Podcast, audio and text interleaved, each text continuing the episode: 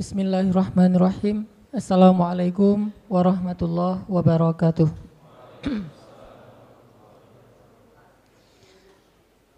Innal hamdalillah nahmaduhu wa nasta'inuhu wa nastaghfiruh wa na'udzu billah min syururi anfusina wa sayyiati a'malina man yahdihillah fala mudhillalah wa may yudlil fala hadiyalah Ashhadu an la ilaha illallah wahdahu la syarikalah wa ashhadu anna Muhammadan abduhu wa rasuluhu la nabiyya ba'dah Rabbi syrah li sadri wa yassir li amri wahlul 'uqdatam min lisani yafqahuna qawli.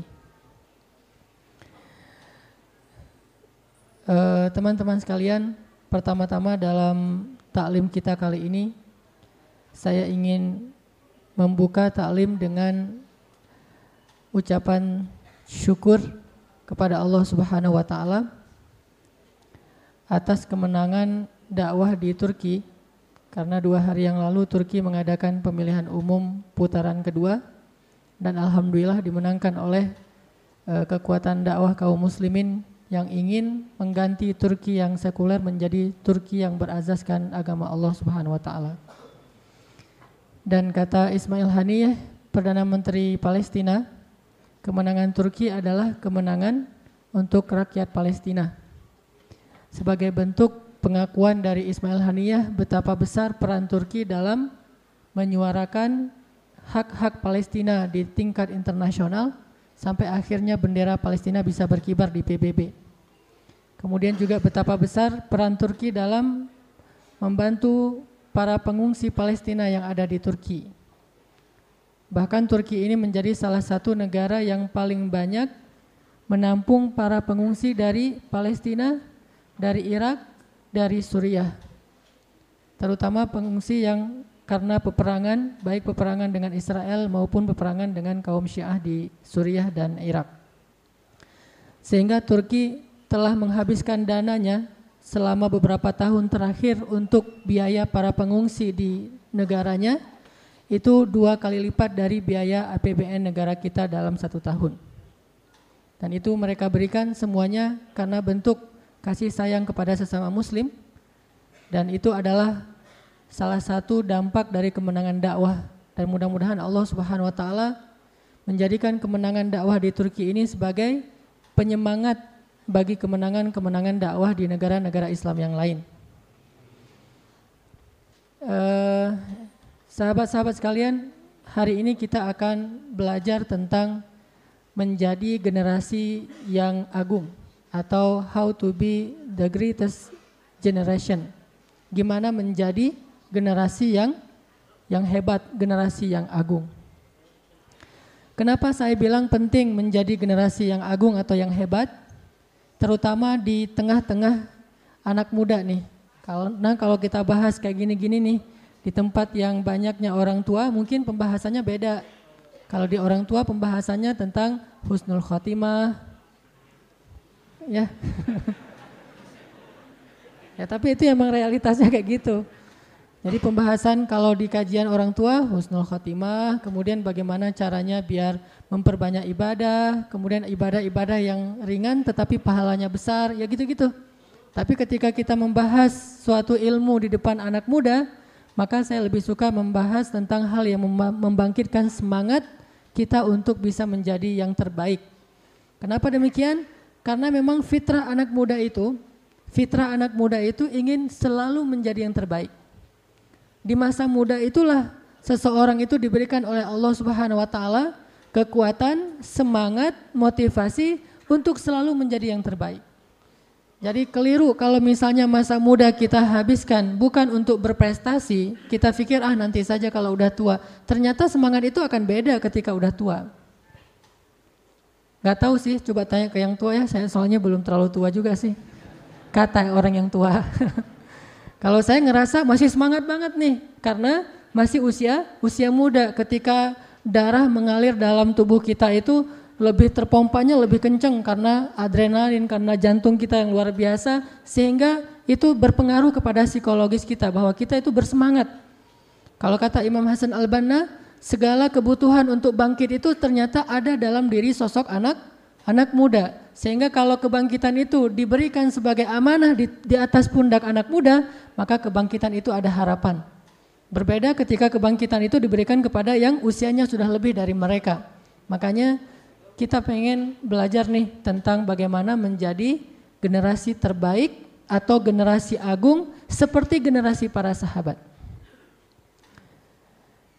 Ada satu hadis motivasi nih buat saya dan mudah-mudahan buat kita semua bahwa Nabi ketika turun hujan di Arab itu kan turun hujan tuh jarang-jarang ya. Nah, pas turun hujan Nabi bilang gini, sebaik-baik hujan itu yang awal turun dan sebelum berhenti. Sebaik-baik hujan yang baru-baru turun dan sebelum berhenti. Maksudnya apa? Kalau diterjemahkan secara teks memang benar bahwa hujan yang baik itu dan menjadi rahmat sehingga Nabi kalau awal turun hujan itu langsung keluar rumah dan mandi hujan karena itu saat-saat yang baik air hujannya itu baik menurut Nabi dan insya Allah itu benar dan juga sebelum berhenti hujan yang rintik-rintik sebelum benar-benar berhenti itu juga sama kualitasnya dengan hujan yang awal-awal turun sehingga Nabi suka mandi hu, mandi hujan tapi kalau ditakwilkan, ini para ulama hadis juga selain memahami ayat hadis ini secara tafsir, mereka juga memahami hadis ini secara takwil. Apa itu takwil? Mencoba untuk mengambil pesan yang walaupun tidak sesuai dengan teks, tetapi ada pesan di balik teks itu. Apa pesan di balik kalimat ini? Bahwa sebaik-baik generasi itu adalah generasi pertama dan generasi terakhir. Generasi pertama kita tahu yaitu generasi sah sahabat. Terus siapa generasi terakhir? Generasi menjelang munculnya Dajjal. Generasi menjelang datangnya Imam Mahdi. Generasi menjelang turunnya Nabi Isa alaihi salam dan itulah generasi terbaik sama baiknya dengan generasi pertama. Bagi saya pribadi, hadis Nabi itu nggak ada yang salah. Apalagi kalau hadisnya dengan derajat yang sahih mutawatir pula. Maka itu setingkat di bawah Al-Quran dan sama-sama benar dengan Al-Quran. Sehingga kalau Nabi mengabarkan jauh-jauh hari bahwa nanti akan muncul generasi terbaik di akhir zaman dan kita berharap yang dimaksud oleh Rasulullah Shallallahu Alaihi Wasallam adalah kita. Sebagaimana Nabi mengatakan sebaik-baik generasi adalah generasiku. Kemudian yang setelahnya, kemudian yang setelahnya. Ini satu hadis, tetapi jangan berpatok kepada satu hadis dan kalau saya memahami Islam, saya mencoba untuk memahami itu dengan berbagai macam teks, dalil, Al-Quran, hadis, kaulus sahabat, pendapat sahabat, pendapat ulama. Ternyata hadis ini bukan cuma satu, bukan cuma hadis sebaik-baik generasi generasiku, kemudian yang setelahnya tabi'in, kemudian yang setelahnya tabi'ut tabi'in. Ternyata ada hadis generasi yang sama dengan sahabat malah di atas tabi'in dan tabi' tabi'in adalah generasi terakhir. Dan mudah-mudahan itu adalah kita. Sama kayak Nabi mengatakan tentang hadis penaklukan kota Konstantinopel. Ini kan benar ya. Gimana ketika sahabat bertanya, "Ya Rasulullah, kota mana di antara dua kota ini yang akan dibebaskan atau ditaklukkan lebih dulu? Konstantinia atau Rum? Konstantinopel atau Ro? Roma di barat, Konstantinopel di timur. Mana yang lebih duluan ditaklukkan oleh kaum muslimin? Kata Nabi, kotanya Heraklius yaitu Konstantinopel. Sebaik-baik uh, pemimpin adalah pemimpin yang menaklukkan kota itu dan sebaik-baik prajurit adalah prajurit yang menaklukkan kota itu. Memang Nabi nggak menyebutkan kapan waktunya dan siapa pemimpin dan pasukannya, tetapi Nabi menyebutkan bahwa kota ini pasti akan dibebaskan oleh kaum muslimin di tangan seorang anak muda yang baru berusia 22 tahun kalau 22 tahun berarti semester berapa tuh? Semester 4 ya? Coba semester 4 kalau di kita lagi galau-galaunya putus cinta. Kalau Muhammad Al-Fatih semester 4 itu lagi membebaskan sebuah kota besar yang dalam kurun sejarah ratusan tahun itu nggak ada yang bisa menembusnya. Sejak awal kota itu dibangun, 300-an Masehi, eh, ta ta ta tahun sekitar seratusan Masehi itu sampai zaman Islam itu nggak bisa dibebaskan, nggak bisa ditaklukkan. Tetapi anak muda yang berusia 22 tahun dengan pasukannya yang nggak pernah meninggalkan sholat eh, tahajud atau sholat berjamaah akhirnya Allah berikan kemenangan bagi mereka dan menaklukkan kota Konstantinopel. Artinya apa? Bahwa apa yang disampaikan Nabi itu pasti terjadi dan kita hakul yakin, yakin banget. Apa yang disampaikan Nabi itu bukan ramalan, tetapi tanabbu. Dan salah satu tugas Nabi Yun, Nabi adalah mentanabbu masa depan. Menyampaikan apa yang akan terjadi di masa depan itulah yang disebut dengan Nabi. Nabi dalam bahasa Arab artinya orang yang membawa berita. Baik berita masa lalu, sejarah, ataupun berita dari langit, risalah, ataupun berita masa depan, yaitu kemenangan-kemenangan. Itulah tugas Nabi. Sedangkan Rasul tugasnya adalah mengajarkan risalah Allah Subhanahu wa taala kepada manusia. Artinya secara bahasa Nabi itu pembawa berita dan Nabi Shallallahu alaihi wasallam membawa banyak sekali berita-berita yang akan terjadi dan salah satunya berita bahwa kita ini menjelang munculnya Dajjal yang kalau ikut pengajian hari Senin Ustadz Rahmat sudah menunjukkan banyak sekali bukti-bukti akan kedatangan Dajjal. Yang mungkin sebentar lagi berarti kalau dilihat dari uh, sudut pandang itu kita ini sebenarnya adalah generasi terakhir yang dimaksud oleh Rasul. Rasul menjamin kita akan sebaik generasi sah sahabat. Sehingga sekarang pilihan bagi kita nih mau ikut nggak nih dengan kafilah terbaik karena kafilahnya sudah ada, kafilahnya itu sudah pasti. Rasul yang menjamin, sebagaimana Rasul menyebut generasi sahabat sebaik-baik generasi, maka Rasul juga menyebut generasi kita sebaik-baik generasi. Pertanyaannya, kita yang memilih mau ikut kafilah itu atau tidak? Mau jadi penonton di pinggir, di trotoar, atau mau menjadi orang yang terlibat dalam kafilah yang mulia yang diberitakan oleh Rasulullah SAW. Sebaik-baik generasi. Sebagaimana hadis tentang hujan tadi, sebaik-baik hujan itu yang baru turun dan sebelum dia berhenti. Apa sih yang membuat mereka disebut sebagai yang paling agung, generasi yang terbaik, generasi yang juara segala macam? Apa sih yang paling hebat dari mereka? Sebetulnya banyak banget nih kalau kita mau bahas kehebatan-kehebatan generasi perta pertama. Tetapi bagi saya pribadi yang paling berkesan, yang membuat mereka luar biasa agungnya adalah akhlak. Yang paling agung dari mereka itu adalah akh, akhlak. Yang akhlak ini dimiliki juga oleh yang lain, dimiliki oleh umat-umat yang lain, tetapi kita yang paling baik. Makanya Nabi mengatakan, "Innama bu'aistu liutammima makarimal akhlak." Aku itu diutus untuk menyempurnakan akhlak-akhlak yang baik. Menyempurnakan akhlak-akhlak yang baik. Jadi yang punya akhlak yang baik itu bukan cuma kita. Orang Nasrani mereka diajarkan juga akhlak yang baik. Orang Yahudi apalagi mereka juga diajarkan akhlak yang baik oleh nabinya Musa, Nasrani oleh Isa dan juga umat-umat yang lain bahkan yang agamanya bukan agama langit. Orang Hindu, orang Buddha agamanya disebut dengan agama bumi, bukan risalah dari langit. Semuanya juga mengajarkan akhlak yang mulia, tetapi umat Islam memimpin mereka semuanya dengan akhlak yang paling baik dan paling istimewa. Sehingga kalau kita mau masuk dalam kafilah yang dimaksud oleh Rasulullah SAW, tugas kita adalah bagaimana memimpin semua umat itu dengan akhlak yang paling baik. Kita harus menunjukkan bahwa orang Islam itu memang the best dalam urusan akhlak. Orang Islam itu memang panutan dalam urusan akhlak. Generasi muda Islam itu memang teladan dalam urusan akhlak. Dan tunjukkan itu baru kita disebut sebagai generasi sebaik para sahabat.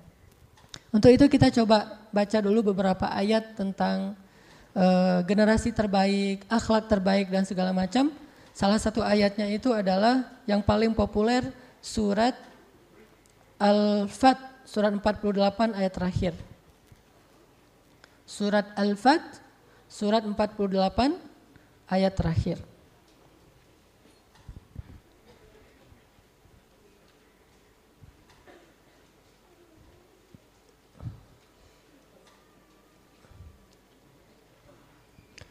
أعوذ بالله من الشيطان الرجيم. Silahkan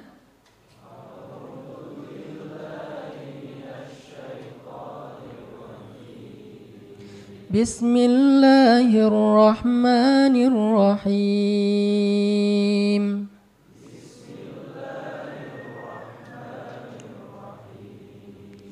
محمد رسول الله.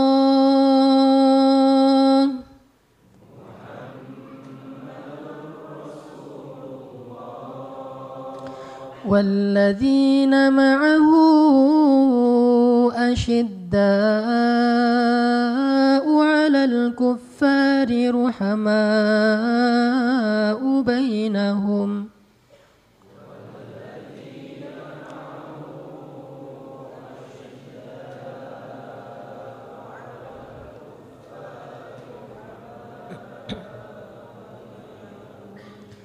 تراهم ركعا سجدا يبتغون فضلا من الله ورضوانا.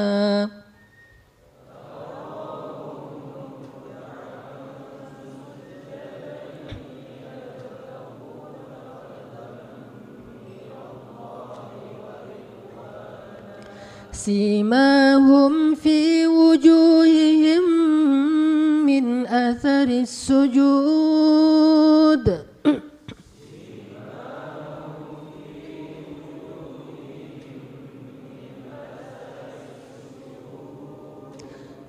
ذلك مثلهم في التوراة.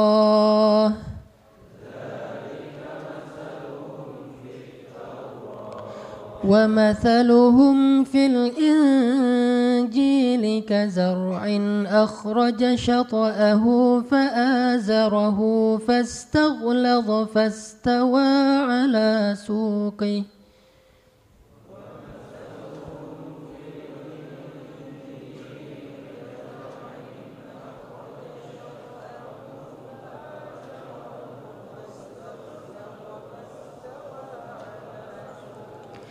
يعجب الزراع ليغيظ بهم الكفار.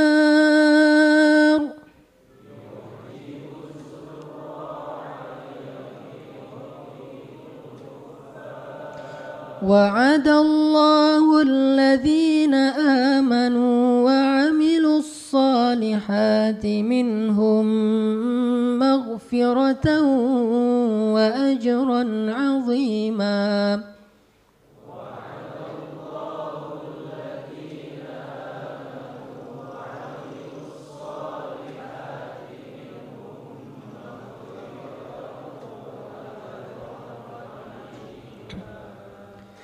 Muhammad itu adalah utusan Allah dan orang-orang yang bersama dengan dia yaitu para sahabat adalah orang yang bersikap keras terhadap orang-orang yang kafir tetapi berkasih sayang kepada sesama mereka. Engkau melihat mereka ruku dan sujud mencari karunia Allah dan keriduannya. Tanda-tanda mereka tampak pada wajah mereka dari bekas sujud. Demikianlah sifat-sifat mereka di dalam Taurat dan sifat-sifat mereka di dalam Injil yaitu seperti tanaman yang mengeluarkan tunasnya maka tunas itu menjadikan tanaman tersebut menjadi kuat lalu menjadi besarlah dia dan tegak lurus di atas akar-akarnya. Tanaman itu menyenangkan hati penanam-penanamnya karena Allah hendak menjengkelkan hati orang-orang yang kafir dengan kekuatan orang-orang mukmin. Allah menjadikan kepada orang-orang yang beriman Allah menjanjikan kepada orang-orang yang beriman dan beramal soleh di antara mereka berupa ampunan dan pahala yang besar. Di dalam ayat ini Allah Subhanahu wa taala menyebutkan tentang dua keistimewaan dan keagungan yang dimiliki oleh para sahabat. Dan ini juga akan dimiliki lagi nanti akan kembali lagi terjadi di generasi terakhir yaitu kita insya Allah. Keagungan pertama adalah akhlak dan keagungan kedua adalah ibadah. Akhlak dan ibadah. Kalau ibadahnya kita tahu jelas bahwa Allah menyebutkan mereka rajin sholat. Dan sholat yang dimaksud di dalam ayat ini adalah sholat lima waktu dan sholat-sholat sunnah. Mereka rajin sholat-sholat sunnah setelah mereka melaksanakan sholat wajib. Sehingga kalau kamu lihat mereka, kamu akan melihat mereka kesehariannya itu ruku, sujud, ruku, sujud. Ini menunjukkan bahwa para sahabat itu paling rajin ruku dan sujud. Itu sholat apaan tuh? Sedikit-sedikit sholat dua rakaat. Sedikit-sedikit sholat dua rakaat. Itu sholat apa tuh kira-kira? Sholat mut, mutlak.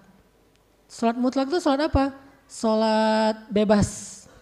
Jadi kalau kita mau ada istilah sholat yang free, itu sholat mutlak tuh.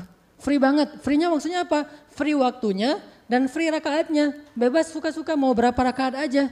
Sehingga kata Allah, kalau kamu lihat para sahabat, kamu pasti melihat mereka lagi sholat. Kalau misalnya Nabi cari Abu Bakar mana, Abu Bakar mana lagi sholat. Umar mana, Umar mana lagi sholat. Utsman mana lagi sholat. Pokoknya kalau dicari sahabat itu rata-rata carinya ketika mereka sedang sholat. Di mana-mana kalau dilihat lagi ngapain, lagi sholat, lagi ngapain, lagi sholat. Kalau kita lagi ngapain, lagi balas WA misalnya. Lagi update status, lagi ngeposting foto di Instagram kan gitu terus aja kan ya. Jadi kalau kita lihat Instagramnya itu aktif banget tuh. Sehari berapa kali dia? Sama kayak sholat waktu, lima waktu. Sehari lima kali update gitu. Kalau sahabat sehari asal dicari di mana lagi sholat. Cari di mana lagi sholat. Bukan lagi tidur, bukan lagi nongkrong, bukan lagi jalan, bukan lagi ngape. Tetapi mereka lagi sholat. Jadi hobinya ibadah kepada Allah subhanahu wa ta'ala. Ini generasi terbaik. Maka wajar kalau Allah mengatakan Eh, tarohum rukkaan sujjadan. Kalau kamu lihat mereka, mereka selalu dalam keadaan. Cuma diterjemahin kurang ada kalimat dalam keadaan ya. Dalam keadaan rukkaan sujjadan. Jadi keadaan mereka dalam sehari-hari itu banyaknya kelihatan lagi so, sholat. Misalnya nih kalau kita lagi di kampus, nunggu dosen berikutnya mungkin uh, kuliah atau kelas berikutnya itu ada waktu jeda misalnya satu jam gitu. Ngapain tuh? Kalau yang orang biasa mungkin dia nongkrong, mungkin dia ngobrol sama temennya, mungkin dia jalan ke mana. Tetapi kalau generasi sahabat ada waktu sedikit, ngapain? Sholat yuk, sholat, sholat, sholat gitu. Masuk masjid, musola atau di mana pun yang bisa sholat, mereka sholat. Gak lama sih emang, dua rakaat, kemudian baru kerjakan hal-hal yang lain. Pokoknya ada waktu, sholat dulu. Ini harus jadi kebiasaan kita. Ada waktu sedikit aja, sholat deh. Sholat apa tuh? Sholat mutlak aja. Atau sholat ada maunya. Sholat ada maunya itu apa? Sholat ada maunya, apa tuh? Sholat hajat, itu sholat ada ma maunya. Sholat galau, itu sholat apa? Istikharah, memilih ini yang mana nih? Saya kalau saya suka nerjemahin kayak gitu, sholat, eh, sholat ngapain? Sholat ada maunya. Apa tuh? Hajat gitu kan ya? Sholat apa tuh? Sholat galau. Kenapa? Aku bingung memilih dia atau dia gitu. itu sholat ga, galau, namanya istikharah. Terus ada sholat nyesel. Salat apa tuh? Kok keren ya? Salat taubat, salat nyesel, salat galau, salat ada maunya, salat apa lagi? Salat orang-orang yang uh, istilahnya apa sih? Salat witir siang apa tuh? Salat witir siang. Duha? Salat witir siang itu adalah salat maghrib. Salat maghrib itu disebut salat witir siang. Kalau sholat witir malam itu setelah tahajud. Sedangkan maghrib itu sholat witir sih siang. Makanya rakaatnya tiga. Jangan ditambah ntar nggak ada witirnya. Terus sholat uh, wusto, sholat pertengahan. Apaan? Sholat a, asar. Dan hal dan berbagai macam banyak sholat-sholat yang lain. Atau sholat rawatib, qobliyah, ba'diyah. Kalau misalnya kita lagi nongkrong nih di masjid, lagi nggak jelas ngapain, habis ngobrol-ngobrol, ah wudhu ah, sholat gitu. Jadi sholat itu jadi hobinya tuh. Sahabat kayak gitu banget, asal dicari sama Nabi, fulan mana fulan, lagi sholat Rasul, oh ya udah ditungguin sama Nabi. Terus mau ke mana gitu lagi jalan, tiba-tiba istirahat misalnya di tengah oasis, istirahatnya ngapain? Sholat dulu dua rakaat, pokoknya dekat banget dengan Allah tuh. Dengan Allah itu sering, kayak kita sesering membuka handphone kita. Pengen tahu ada apa sekarang nih? Kan sering banget tuh, sampai kita ke mana-mana bawa power bank kan, kenapa? Saking seringnya dibu dibuka sehingga pas kali buka itu WhatsApp-nya sekian, BBM-nya sekian, Instagram-nya sekian, Twitter-nya sekian, langsung drop baterainya yang 100 jadi 30 misalnya. Itu saking seringnya kita membuka handphone karena kita pengen tahu banget nih, pengen eksis. Udah gitu bawa tongsis ke mana-mana, cepret, masukin, langsung orang lihat sedunia. Ada yang nge-like, ah seneng banget aku di like loh, ada berapa nih, tunjukin gitu kan ya. Ternyata hobi ini kalau di zaman sahabat Senangnya kita memegang handphone itu sama dengan sahabat senangnya melaksanakan sholat. Gimana kita coba samain nih? Saya nggak bilang nggak usah pegang handphone karena saya juga eh, tahu kan Instagram saya. Artinya memang kita coba punya hobi yang yang keren juga nih. Selain hobi untuk nge-update status, ada juga hobi yang sama kerennya, bahkan lebih keren, yaitu hobi sholat, mengupdate status di hadapan Allah. Sehingga Allah melihat, oh hambaku lagi mengupdate status. Update status kayak gimana? Dari pendosa menjadi orang yang tidak punya dosa. Namanya sholatnya nyesel, sholat taubat. Hambaku lagi mengupdate status dari orang-orang yang tadinya lalai menjadi orang yang berzikir. Itu update status di hadapan Allah dan sahabat itu senang banget. Ada sedikit masalah sholat. Ada sedikit masalah sholat. Sampai ada uh, kisah ini di Mesir. Seorang anak kecil ya, anak SD. Mungkin dia anaknya ustadz kali ya. Anak SD, kelas 3 SD gitu. Di sekolah ketika dia pulang sekolah dia ngelihat tasnya itu uh, dia cari-cari tasnya tuh nggak dapat, nggak nemu gitu. Padahal dia tahu taruh tasnya tuh di laci, Mungkin ada temannya yang iseng atau gimana. Pokoknya pas dia mau pulang dia nggak nemuin tas dia. Sehingga dia cari di laci nggak ada, dia cari satu kelas nggak ada, dia tanya ke guru nggak ada. Akhirnya tiba-tiba dia sholat ke musola. Gurunya ngelihat loh kok si Fulan lagi sholat, pas sudah selesai sholat ditanya, kamu sholat apa? Sholat hajat bu, gitu. Kenapa ada apa? Ternyata eh, dia mengatakan saya tadi nyari-nyari tas nggak ketemu dan saya pengen tanya ke Allah aja dan Allah maha maha tahu. Dia sholat tuh. Selesai sholat, ternyata ada guru yang nemuin tas dia, entah di mana diumpetin sama teman-temannya dikasih ke dia dan Allah ngasih jalan untuk dia. Benar, wasta'inu bis sobri wassalah sampai masalah hilang tas aja itu sholat tuh. Jadi semuanya itu ada di dalam sholat. Sampai para sahabat bilang apa? Kalau saya kehilangan sendal, maka saya akan sholat. Minta kepada Allah, ya Allah sendal saya hilang. Allah yang akan mendatangkan. Jadi kalau misalnya pas keluar dari alatif, sendalnya di mana sendal saya? Balik lagi masuk ke alatif. Sholat dulu gitu. Sholat apa? Sholat hilang sendal. Ada gitu. sholat mut, mutlak. Ada masalah sekecil apa pun, sholat deh. Misalnya agak-agak bete dikit nih. Kan orang sekarang gampang bete ya. Ada hal sedikit bete, hal sedikit bete. Ya udah, cara menenangkan hati, illal musallin. Kata Allah kalau enggak sholat maka dia akan jadi orang yang halu'a. Idza massahu syarru jazua wa idza massahu khairu manu'a. Bete terus dikasih susah bete dikasih senang be bete. Orang yang gampang bete ini nih solusinya adalah so, sholat daimun. Senang banget dengan sholat. Ada apa sedikit? Sholat. Ada masalah sedikit? Sholat. Sampai sahabat bilang annan nabiyya Idza hasibahul amr fazi'a ila sholah. Nabi itu kalau kami lihat ada masalah sedikit beliau sholat, ada masalah sedikit beliau sholat. Dan sholatnya memperpanjang uh, sujud banget. Ini salah satu uh, apa penampilan para sahabat yang menjadikan mereka generasi terbaik karena rukkaan sujadan. Jadikan diri kita seperti itu. Orang yang hobi sholat. Sehingga kalau ada yang nyari kita pasti nyarinya si fulan mana di musola pasti itu. Kalau lagi nyari kita di mana lagi di musola, bukan nyari di mana lagi di warnet misalnya. Ngapain tuh? Atau lagi di mana misalnya lagi di jalan, lagi di apa? Enggak, cari di mana lagi di musol, di musola karena dia rajin sholat, senang dengan sholat dan dekat dengan Allah Subhanahu Wa Taala. Apa kata Allah? Fadkuruni Al-Qurukum, ingat aku, aku ingat kalian, ingat Allah itu dengan cara sholat, maka Allah juga akan ingat kita kalau kita ada masa masalah. Dulu saya punya kebiasaan yang diajarkan oleh uh, profesor saya di Al-Azhar. Sebelum masuk ke ujian itu, masuk ke uh, ruang ujian, sholat dua rakaat dulu. dan nanti kalau di ruang ujian lupa, sholawat sama Nabi dan istighfar.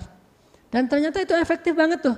Kalau saya mau masuk ke ruang ujian, saya sempatin dulu ada waktu sekitar 10 menit, saya sholat dulu dua rakaat. Sholat mutlak atau sholat hajat atau apalah. Sholat dua rakaat. Setelah itu masuk ke ruang ujian, di ruang ujian itu biasanya profesor suka datang dulu sebelum bagi-bagi kertas ujian. Dia bilang, wahai anak-anakku, kata profesor tuh. Kalau kalian sudah belajar dan ternyata kalian lupa dengan apa yang udah kalian baca atau kalian hafal, maka caranya adalah istighfar dan sholawat. Insya Allah Allah akan mengingatkan apa yang kalian lupa tadi. Sesungguhnya lupa itu karena godaan syai, syaitan. Itu kan bagus banget nasihatnya. Menjelang ujian. Itu benar banget tuh. Pas saya, aduh kayaknya perasaan ini saya udah tahu nih jawabannya cuma agak-agak lupa gimana gitu. Astagfirullahaladzim, Allahumma salli ala Muhammad. Benar-benar datang tuh, langsung ting kayak ikiusan gitu kan, langsung langsung teringat ikiusan ini generasi, generasi siapa nih? Anak-anak sekarang udah nggak pada tahu kayaknya.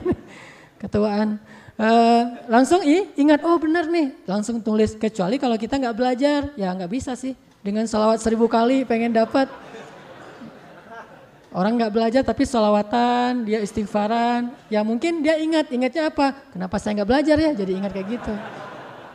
Allah memberi dia nasihat lewat ingatan. Intinya adalah sholat itu salah satu uh, rahasia keagungan para sahabat. Jadi biar budayakan sholat mutlak, sholat uh, bebas kapan aja dan berapa rakaat aja. Sampai ada uh, seorang sahabat yang kalau sholat saya pernah cerita ya, saking khusyuknya sholat, sampai burung-burung tuh bertengger di atas, berdiri di atas kepalanya tuh dia sampai berdiri lama gitu, merpati burung-burung tuh berdiri di atas kepalanya saking khusyuknya sholat. Siapa tuh sahabat yang kayak gitu? Abdullah bin Zubair.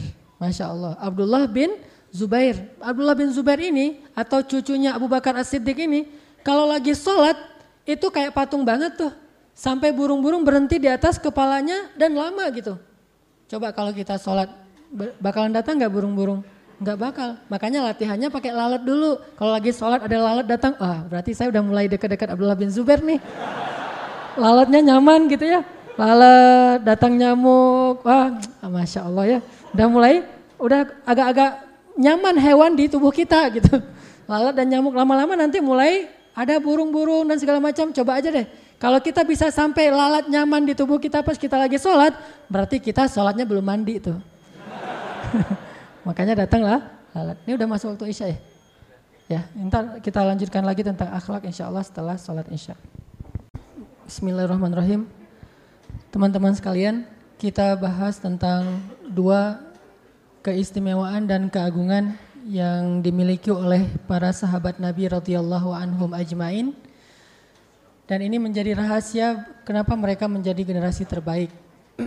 Pertama ibadah, kedua akh, akhlak.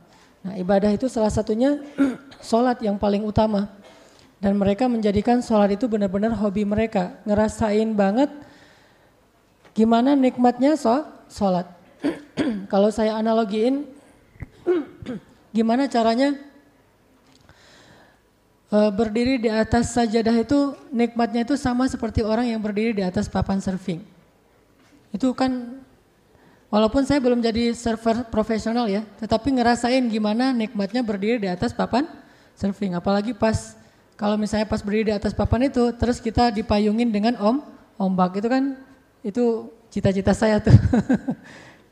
Gimana rasanya berdiri di atas papan sajadah, eh di papan sajadah, di atas sajadah seperti berdiri di atas papan surfing atau yang senang skateboard tuh kayak berdiri di atas papan skate. Atau gimana caranya membaca tasbih, zikir, ayat di dalam Al-Qur'an itu sama nikmatnya seperti orang menyanyikan lagu-lagu yang dia sukai, main gitar segala macam. Gimana rasanya nikmat kita berjamaah di masjid, senikmat orang datang ke tempat-tempat konser ke atau ke stadion bola. Ini semuanya kenikmatan yang nggak akan bisa dibahasakan dengan kata-kata. Kalau kita bisa ngerasain nikmatnya sholat kayak gitu, tergantung hobi kita masing-masing. Yang hobi musik, yang hobi nonton, yang hobi olahraga, yang hobi segala macam, ke gunung, ke laut dan segala macam. Kalau kita bisa ngerasain nikmatnya sholat senikmat itu, insya Allah kita akan tahu keajaiban-keajaiban yang luar biasa di dalam sholat itu. Benar kata Allah, ya ayuhalladzina amanu sta'inu bis sabri. Ya Allah, ya wahai orang yang beriman, mintalah pertolongan Allah itu dengan sabar dan sholat. Ternyata pertolongan itu datangnya lewat dua jalan, yaitu dengan sabar dan dengan so, sholat. Benar kayak tadi anak dari Mesir yang ketika dia kehilangan tas saja sholat.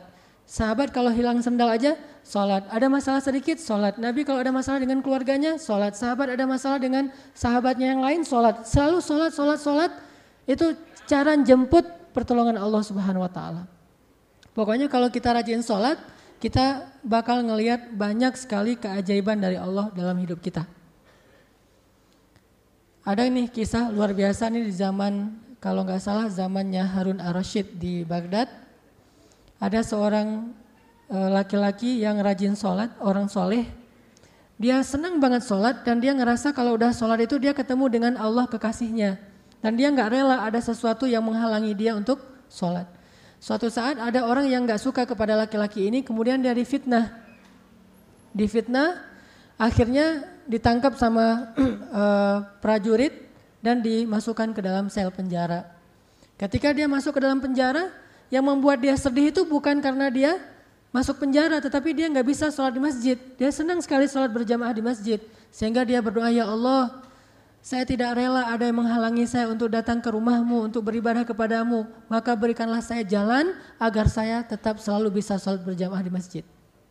Akhirnya masuklah dia ke dalam penjara.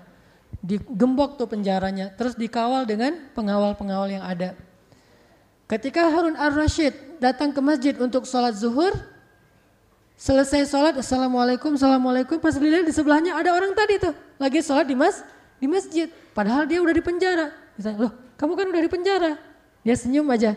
Akhirnya Harun ar-Rashid tanya-tanya pengawalnya, kenapa orang ini? Orang ini udah hilang, pas dicari di penjara ternyata dia ada di dalam penjara. Tapi gimana cara dia sholat? Besoknya lagi diperhatikan lagi sama Harun ar-Rashid. Pas Harun ar-Rashid sholat di masjid, asar, ternyata orang itu sholat juga di masjid. Pas maghrib orang itu sholat lagi di masjid, akhirnya ditangkaplah dia di mas di masjid. Dilihat di penjara kosong, akhirnya ditangkaplah di, di masjid. Gimana cara kamu keluar dari penjara kok kamu bisa sholat di masjid? Allah yang mengeluarkan saya kata dia. Padahal penjaranya digembok, terus ada pengawal, pengawalnya nggak pernah ngeliat, tetapi dia bisa sholat berjamaah di masjid. Akhirnya Harun ar-Rashid ingin membuktikan sendiri. Kali ini Harun ar-Rashid sendiri yang yang mengawal, yang akan menjaga pintu gerbang penjara itu sehingga tidak ada yang bisa keluar dari penjara kecuali Harun ar-Rasyid akan melihatnya. Dimasukkan lagi dia dalam sel. Harun ar-Rasyid di pintu jagain. Kemudian pas waktunya salat, Harun ar-Rasyid ngelihat ke dalam, loh kok udah sepi sel selnya nggak ada orang lagi, udah nggak ada lagi dia, padahal nggak ada yang keluar. Dicari ke masjid, ternyata orangnya lagi lagi sholat di di masjid ini luar biasa nih. Dan ini bukan uh, kejadian fiksi ya, ini benar-benar terjadi di zaman Harun ar-Rasyid. Orang itu bisa keluar sendiri dan sholat di masjid berjamaah. Sehingga Harun ar-Rasyid akhirnya memutuskan kalau gitu caranya dia jangan dipenjara, jangan dimasukkan ke dalam sel, tapi diasingkan aja ke negeri yang jauh. Akhirnya dia dibawalah oleh beberapa prajurit, diasingkan ke tengah padang pasir. Yang nggak mungkin dia akan pulang karena dia nggak punya kendaraan, kecuali ada yang membawa dia pulang. Nggak mungkin dan nggak ada yang tahu tempat itu. Diasingkanlah ke sebuah tempat yang terasing, nggak dikasih apa-apa kecuali makanan saja pengawal ini pulang. Ketika pengawal ini pulang pakai kuda yang paling cepat, sampai di gerbang kota Baghdad, pengawal ini udah ditunggu sama, sama dia nih. Dia duluan sampai ke gerbang daripada pengawal. Pas sampai di gerbang, udah, Assalamualaikum, Waalaikumsalam, kok kamu ada di sini? Bisa pulang sendiri gitu. Ditangkap lagi, dibawa lagi. Akhirnya pengawalnya pulang. Pas pengawalnya pulang dilihat di gerbang udah nggak ada dia. Ternyata Allah Akbar, Allah Akbar ada di masjid. Lagi sholat di masjid. Ini luar biasa nih kayak malaikat aja nih bisa pindah-pindah kayak Superman gitu ya. Ternyata ada tuh dalam kisah Islam dan itu terjadi loh. Dalam banyak riwayat dikisahkan. Akhirnya ditanya oleh Harun ar-Rasyid di sidang ulang nih. Kenapa kamu bisa seperti ini? Apa yang terjadi? Wahai khalifah, saya itu tidak bersalah, saya itu difitnah, tetapi saya tidak bisa membela diri, hanya Allah yang akan menunjukkan bukti bahwa saya tidak bersalah. Dan jangan pernah menghalangi saya untuk datang ke rumah Allah, karena saya sangat mencintai Allah dan ingin selalu sholat kepada Allah Subhanahu Wa Taala. Ini keajaiban yang Allah berikan lewat sholat. Jadi benar, wasta'inu bis sabri was sholat. Ya ayyuhalladzina amanu sta'inu bis sabri was sholat. Innallaha ma'as sabirin. Jadi kalau kita butuh pertolongan yang ajaib, sholat. Tapi jangan tunggu sampai ada masalah baru sholat. Kenapa? Kata Allah, fadkuruni adkurkum. Ingat aku di waktu senang, nanti aku ingat kalian di waktu susah. Jadi kalau kita terbiasa sholat di waktu senang, nanti pas kita susah, Allah ingat kita banget tuh. Ini hambaku yang dulu senang banget sholat, sekarang dia lagi susah, wahai hambaku butuh apa? Allah akan tolong kita dengan sholat-sholat kita yang telah lah, yang telah lalu. Itulah yang membuat para sahabat kok selalu mendapatkan kemudahan. Urusan mereka itu mudah banget karena mereka dekat dengan Allah. Lewat sholat-sholatnya, Nabi pernah memantau suatu malam gimana sholatnya para sahabat. Kan saya pernah kisah tuh, Suatu malam Nabi jalan-jalan ke rumah sahabat pengen tahu tahajudnya kayak gimana. Kalau kita kan mungkin laporannya tuh lewat grup tuh. Hari ini amal yaumiyahnya tahajud gitu. Kalau sahabat enggak langsung Nabi yang datengin. Datang ke rumah Abu Bakar, Abu Bakar lagi sholat nangis-nangis sholat di dalam rumahnya. Bacaannya tuh pelan. Udah gitu Nabi datang ke rumah Umar, ngedengar dari jauh suara Umar tuh kenceng banget. Alhamdulillahirobbilalamin, ar-Rahman, teriak-teriak tuh di atas uh, apa di atas atap rumahnya. Umar kalau sholat itu suka di atas atap, beratapkan langit sholat tahajudnya. Tapi teriak-teriak. Jadi semua tetangga itu merasa terganggu gara-gara sholatnya Umar. Ini Umar kok berisik banget sih gitu. Terus pergi ke rumah Ali, uh, ke rumah uh, ke rumah Bilal. Bilal waktu itu sholatnya karena Bilal ini hafalannya terbatas, dia baca satu ayat, udah gitu ganti ke ayat yang lain, baca lagi. Jadi ibarat kita hafalannya pas-pasan misalnya gini, uh, amin, bismillahirrahmanirrahim, alif lam mim apalagi ya? Ya udah deh. Bismillahirrahmanirrahim. Alif lam ro. Kalau kita mah kan gitu banget tuh. Kalau Bilal ya kurang lebih nggak kayak gitu amat sih. Pokoknya potongan-potongan ayat gitu ya. Kalau kita cuma surat Al-Baqarah lo saya tahajudnya Al-Baqarah yang mana nih? Al-Baqarah gitu. Jadi tahajudnya satu su, satu surat Al-Baqarah doang, nama surat doang. Intinya Bilal tuh kalau baca tuh potong-potong gitu. Satu ayat naik lagi ke surat yang lain, loncat lagi ke surat yang lain. Oh, Bilal tuh punya style sendiri gitu. Terus pergi ke rumah Ali, Ali belum bangun. Dibangunkan oleh Rasulullah, "Ya Ali, ya Ali, ya Ali, bangun, bangun, bangun." Pas Ali bangun, masih matanya masih sembab-sembab gitu habis apa uh, habis bangun tidur Nabi tanya ya Ali kenapa baru bangun ya Rasulullah kata Ali bukankah jiwa kita kalau kita tidur itu ada di genggaman Allah sehingga kalau Allah berkehendak dikembalikan, kalau enggak digenggam tetap sehingga kita enggak bisa bangun. Kata A, kata Ali. Sekali-kalinya Ali suka uh, apa men, beralasan gitu, modus gitu.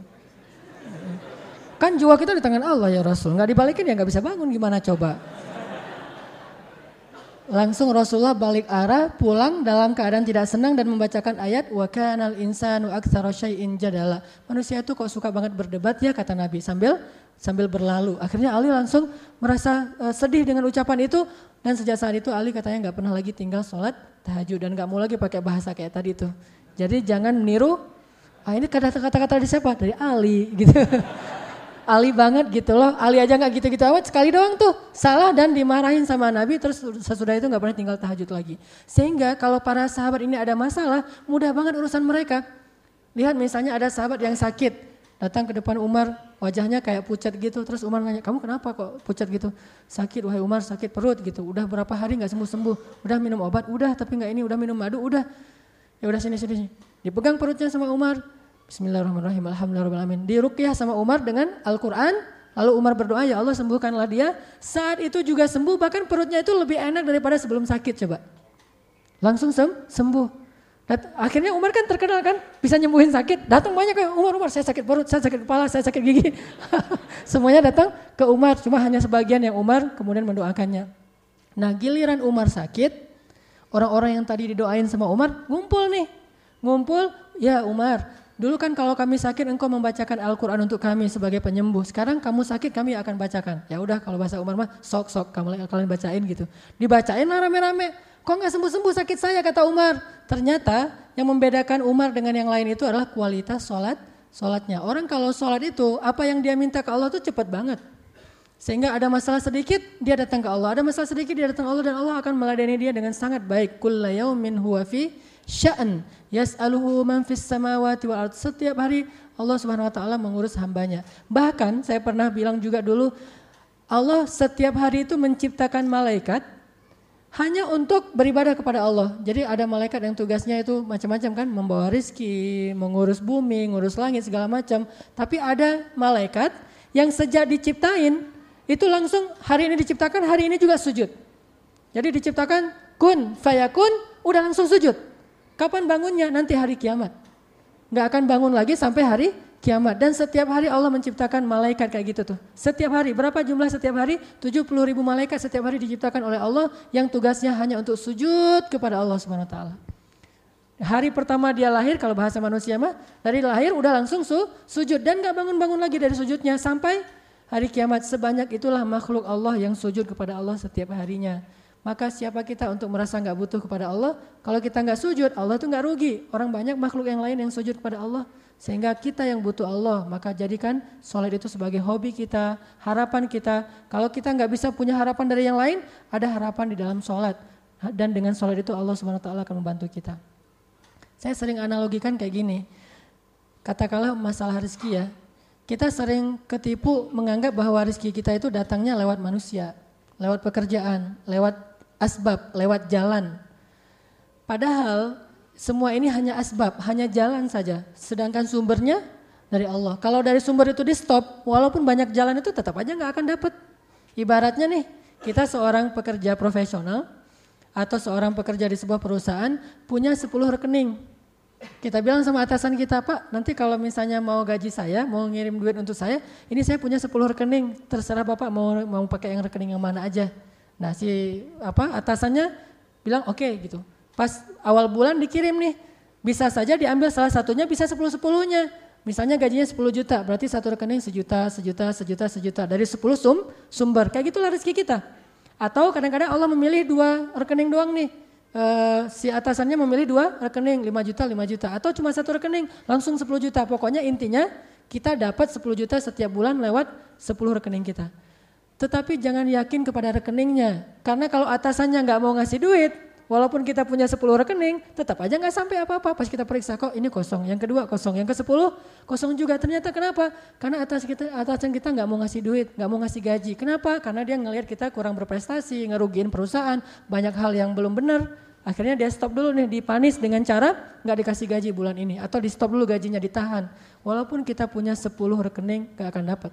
Kayak gitulah asbab, jalan, pekerjaan, manusia, link-link bisnis kita, partner bisnis kita. Kalau Allah nggak mau ngasih, Walaupun kita punya seribu rekening, yaitu manusia-manusia nih, tetap aja nggak dapat. Tetapi kalau Allah mau ngasih, walaupun kita nggak punya rekening, Pak, saya mah nggak punya rekening, udah gampang nanti saya kasih cash. Tapi saya nggak bisa ke kantor, ya udah saya kirimin Gojek, kan gampang kan? Yang kalau Allah mau banyak cara, Allah sendiri akan buat cara, bukan kita buat-buat cara oleh kita. Makanya jangan hanya fokus kepada jalan rezeki, tapi fokus kepada sumber rezeki dan fokus pada sumber rezeki itu minta ke Allah yaitu sholat salah satu caranya. Para sahabat tuh kayak gitu. Sampai ketika Umar jadi khalifah di Mesir, waktu itu Mesir dipimpin oleh Amr bin As ya. Umar jadi khalifah. Di Mesir terjadi musim kemarau yang panjang sehingga tidak ada air. Hampir sungai Nil itu menjadi kering. Jarang-jarang loh sungai Nil menjadi kering. Sehingga orang-orang Mesir mulai uh, ragu tentang kebenaran Islam. Mereka mulai berpikir nih jangan-jangan Dewi Sungai Nil ini marah nih sehingga enggak memberikan lagi kepada kita ah, air. Lalu Amr bin As mengirim surat ke Madinah. Dia lapor ke Umar bin Khattab, "Ya Amirul Mukminin, Umar bin Khattab, sesungguhnya orang Mesir sedang mengalami masa kemarau yang panjang. Tolong uh, beri kami solusi seperti apa nih?" Dia lapor kepada presidennya. Umar tulis surat, "Ya Amru, kalau kamu men, apa uh, kalau surat ini sampai kepadamu, tolong bacakan surat ini di hadapan rakyatmu."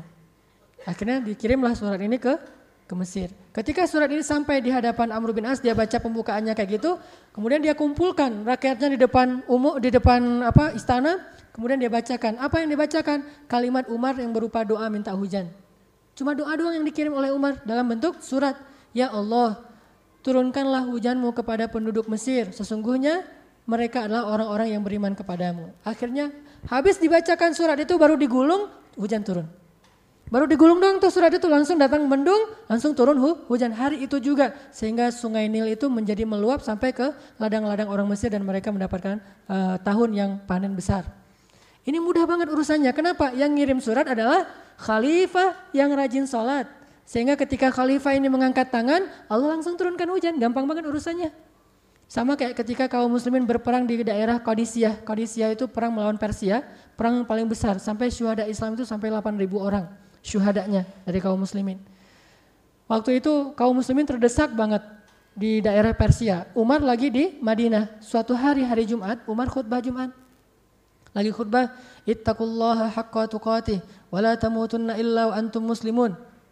Hai kaum muslimin, kata Umar. Jadi berubah materi khutbahnya tiba-tiba teriak, "Wahai kaum muslimin, mundur, mundur, mundur. Sembunyi kalian di balik bukit itu, di balik bukit itu." Kemudian Umar lagi sadar lagi, Ceramah lagi seperti biasa khutbah. Setelah selesai sholat Jumat, orang-orang tanya, ya Amirul Mukminin, ada apa? Kenapa tadi tiba-tiba materi khutbahnya berubah? Kata Umar, sesungguhnya Allah memperlihatkan kepadaku apa yang terjadi pada kaum muslimin di Persia.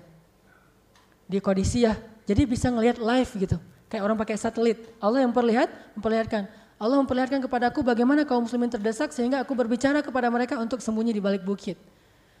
Para sahabat kan nggak langsung bisa percaya ya, emangnya dia nabi gitu bisa seperti itu. Ternyata ditunggu, setelah beberapa minggu ditunggu datanglah utusan dari Kodisia memberi kabar bahwa Islam sudah menang, kaum muslimin menang dan dia bercerita pada suatu hari Jumat waktu itu kami terdesak, kami berada di posisi yang paling rendah dan bisa jadi target yang paling empuk buat serangan musuh. Dan waktu itu kami hampir saja kalah dan hampir terbunuh semuanya. Tiba-tiba dalam keadaan terdesak kami tiba-tiba mendengar suara Umar bin Khattab berteriak dengan sangat keras. Wahai kaum muslimin semuanya di balik bukit. Mundur, mundur, mundur. Sehingga kami semuanya mundur ke belakang bukit. Sehingga eh, akhirnya kami selamat dari serangan musuh. Bayangin suara Umar sampai ke Persia. Umar bisa ngelihat langsung apa yang terjadi di Persia. Dan itu dibuktiin oleh para sahabat yang ada di Persia. Ini menunjukkan bahwa orang kalau rajin sholat, Allah kasih banyak keajaiban lah dalam kehidupannya. Nggak usah khawatir. Dan itu bukan hanya terjadi pada Rasul, tapi juga terjadi pada para sahabat dan orang-orang soleh. Apalagi kalau kita misalnya hidup di zaman yang harus memang kita mengharapkan banyak keajaiban dari Allah karena banyaknya uh, ujian yang ada zaman sekarang, maka kita sangat butuh sholat kepada Allah Subhanahu Wa Taala. Jadikan sholat hobi kita. Itu yang pertama. Yang kedua, keagungan generasi sahabat itu uh, rahasia keduanya adalah karena kemuliaan akhlak mereka. Kalau saya ngebahasain gini, sholat itu membuat kita dapat banyak keajaiban dari Allah, kemuliaan akhlak buat kita dapat banyak keajaiban dari manusia. Jadi kalau kita pengen dapat keajaiban dari Allah, pengen Allah itu baik-baik ke kita, itu sholat. Dan kalau kita pengen melihat keajaiban dari manusia, tiba-tiba banyak orang yang membantu kita, tiba-tiba musuh bisa jadi sahabat setia, musuh bisa jadi sahabat setia itu lewat apa? Bukan lewat ancaman. Ancaman itu nggak mengubah musuh menjadi sahabat. Hanya mengubah musuh menjadi takut. Tetapi kalau akhlak yang mulia, jangankan teman, musuh aja bisa jadi orang yang paling setia kepada kita. Makanya kalau kita pengen dapat dua keajaiban, keajaiban dari langit dan keajaiban dari bumi, keajaiban dari langit dijemput dengan sholat, keajaiban dari bumi dijemput dengan akhlak yang mulia. Jaga akhlak kita dan salah satu akhlak mulia yang paling luar biasa, puncak dari semua akhlak mulia itu adalah sabar. Sabar, belajar sabar menghadapi perangai manusia, belajar sabar menghadapi berbagai macam model manusia, belajar sabar terhadap gangguan orang lain. Apa kata Nabi? Al-mu'minul ladzi yukhalitun nas wa yasbir ala adahum khairun minal mu'minil ladzi lam yukhalitin nas wa lam yasbir ala adahum. Mukmin yang bergaul dengan banyak orang lalu bersabar atas gangguan mereka itu lebih baik daripada mukmin yang nggak mau bergaul dan nggak sabar dengan gangguan manusia. Sabar dengan gangguan banyak orang. Kalau perlu kita belajar sabarnya justru dari orang yang suka ngejengkelin kita. Kayak Ali banget tuh. Ali bin Abi Thalib pernah suatu hari pas dia udah jadi presiden, jadi khalifah, suatu hari dia panggil pembantunya. Jadi ada pembantu di rumahnya dia panggil, "Ya fulan." Ini panggilan untuk orang yang tidak disebutkan namanya. "Ya fulan." Gak ada suara. "Ya fulan" dipanggil sama Ali, gak ada suara. Dicari-cari, cari-cari, ternyata dia lagi di kamarnya, lagi berbaring sambil mengangkat kedua kakinya. Jadi kayak orang bersiul gitu, santai di kamarnya. Padahal Ali dari tadi manggil-manggil. Kata Ali, ya Fulan kamu nggak dengar suara saya memanggil? Dengar kata dia. Terus kenapa kamu nggak menjawab? Sengaja, pengen tahu uh, marah nggak gitu. Coba lihat pembantu kayak gitu tuh. Ada tuh nggak pembantu kayak gitu? Pasti bakalan dikurangin gajinya atau langsung silakan kamu pulang ke kampung kan gitu kan? Ini pembantu kayak gitu banget sama bukan sama tuan biasa, sama khalifah presiden bayangin. Sengaja pengen tahu marah apa enggak. Ali marah enggak tuh? Enggak marah langsung tersenyum ketawa Ali keluar langsung udah enggak ada urusan lagi dengan dia langsung keluar sambil ketawa. Dilihat oleh pengawal-pengawal dan pejabatnya ditanya, ya Amirul Mukminin kenapa engkau ketawa? Kata Ali, itu tuh pembantu saya, diceritain lah kisahnya. Yang marah justru pengawalnya dan pejabatnya Ali. Ali aja nggak marah, pejabatnya malah marah. Terus mereka bilang, ya Amirul Mukminin, ya sudah biar kami marahi dia. Atau kita ganti aja, kami punya banyak stok pembantu yang lain yang akan siap untuk bekerja di rumah anda. Kata Ali, jangan. Justru aku lagi belajar sabar dari orang itu. Belajar sabar dari orang kayak gitu. Jadi kalau kita nemuin orang yang suka ngejengkelin, berarti itu guru sabar kita tuh. Misalnya kalau saya sering misalnya di jalan dulu suka ramai sama supir angkot gitu ya. Kalau sekarang nggak ramai lagi sama supir angkot, kenapa? Kalau ada supir angkot yang iseng di jalan, saya anggap, aduh ini guru sabar saya nih supir angkot gitu. Ada yang ada motor mungkin yang kurang tertib, ah, ini guru sabar saya. Pokoknya nemu orang yang ngejengkelin, berarti dia jadi guru sabar kita. Karena guru sabar itu bukan ustaz. Ustaz itu hanya ngajarin teori sabar. Tetapi yang mengajarkan praktek sabar adalah orang-orang yang berperilaku jahiliyah di depan kita. Itulah yang mengajarkan kita praktek sabar yang sesungguhnya. Jadi kalau nemu orang yang buat kita jengkel, buat kita bete, buat kita ilfil, berarti dia sedang mengajarkan kita tentang sabar. Niatin aja, makasih ya guru ya udah ngajarin saya sabar gitu banget tuh. Itu luar biasa ya. Inilah yang dilakukan oleh Ali bin Abi Thalib. Enggak marah langsung, justru malah beliau merasa oh saya lagi belajar sabar dari orang itu. Sabar itu kalau kata ulama ibunya akhlak mulia. Jadi kalau kita mau akhlak mulia apa pun mulainya dari sah, sabar. Kalau kita nggak punya sabar, kita kehilangan sebagian besar dari karakter dan akhlak-akhlak yang mulia. Mulailah dari sabar. Dalam segala urusan, apalagi dengan manusia, manusia, apalagi orang yang jarang ke masjid mungkin, mungkin perangainya masih perangai orang-orang yang uh, egois atau individualis dan segala macam. Bahkan yang udah ke masjid sekalipun, namanya manusia. Kita pasti ada akan ada salah walaupun kita udah rajin sholat, mungkin jidat kita udah hitam, mungkin kita udah jubahan, udah sorbanan, ya namanya manusia tetap aja ada sah, salah belajar sabar menghadapi mereka. Kalau kita sabar, insya Allah yang musuh pun bisa menjadi kawan sejati atau bahkan pembela kita suatu saat nanti. Ini nih yang dimiliki oleh para sahabat. Dilatih 13 tahun di Mekah. Sabar banget. Sehingga akhirnya apa? Ikrimah, anaknya Abu Jahal yang dulunya menyiksa Bilal.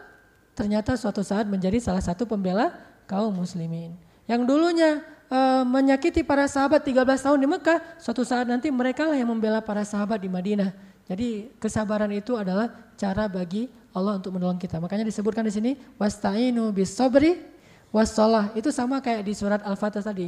Jadi akhlak dan salat ibadah. Akhlaknya adalah sabar, ibadahnya adalah sholat. Coba fokus dua itu aja. Gak usah banyak-banyak materinya mah. Dua itu aja coba. Dengan Allah itu rajin sholat, dengan manusia itu belajar sah, sabar, udah aja. Insya Allah kita akan mendapatkan banyak keajaiban dari langit dan dari bumi karena akhlak yang mulia ini insya Allah. Mudah-mudahan ini bermanfaat teman-teman sekalian. Uh, Jangan jadikan ilmu yang kita pelajari di masjid ini sebagai wawasan saja, tapi coba kita belajar apa yang udah kita dengar itu kita lakukan dalam kehidupan kita. Saat ini juga, misalnya malam ini juga kita sebelum tidur sholat dulu nih, sholat mutlak. Atau misalnya nanti di kampus, di sekolah, di mana pun kalau kita misalnya merasa ada waktu sedikit, sholat. Ada waktu sedikit, sholat. Pokoknya rajinin sholat aja. Dan kalau ketemu manusia, lihatlah mereka sebagai eh, guru-guru uh, kita dalam belajar sabar. Insya Allah kita akan selamat. Barakallahu liwalakum. Mari kita tutup taklim kita dengan sama-sama berdoa. Semoga Allah memberikan kita uh, ilmu yang bermanfaat, bukan hanya sekedar wawasan dalam kehidupan kita.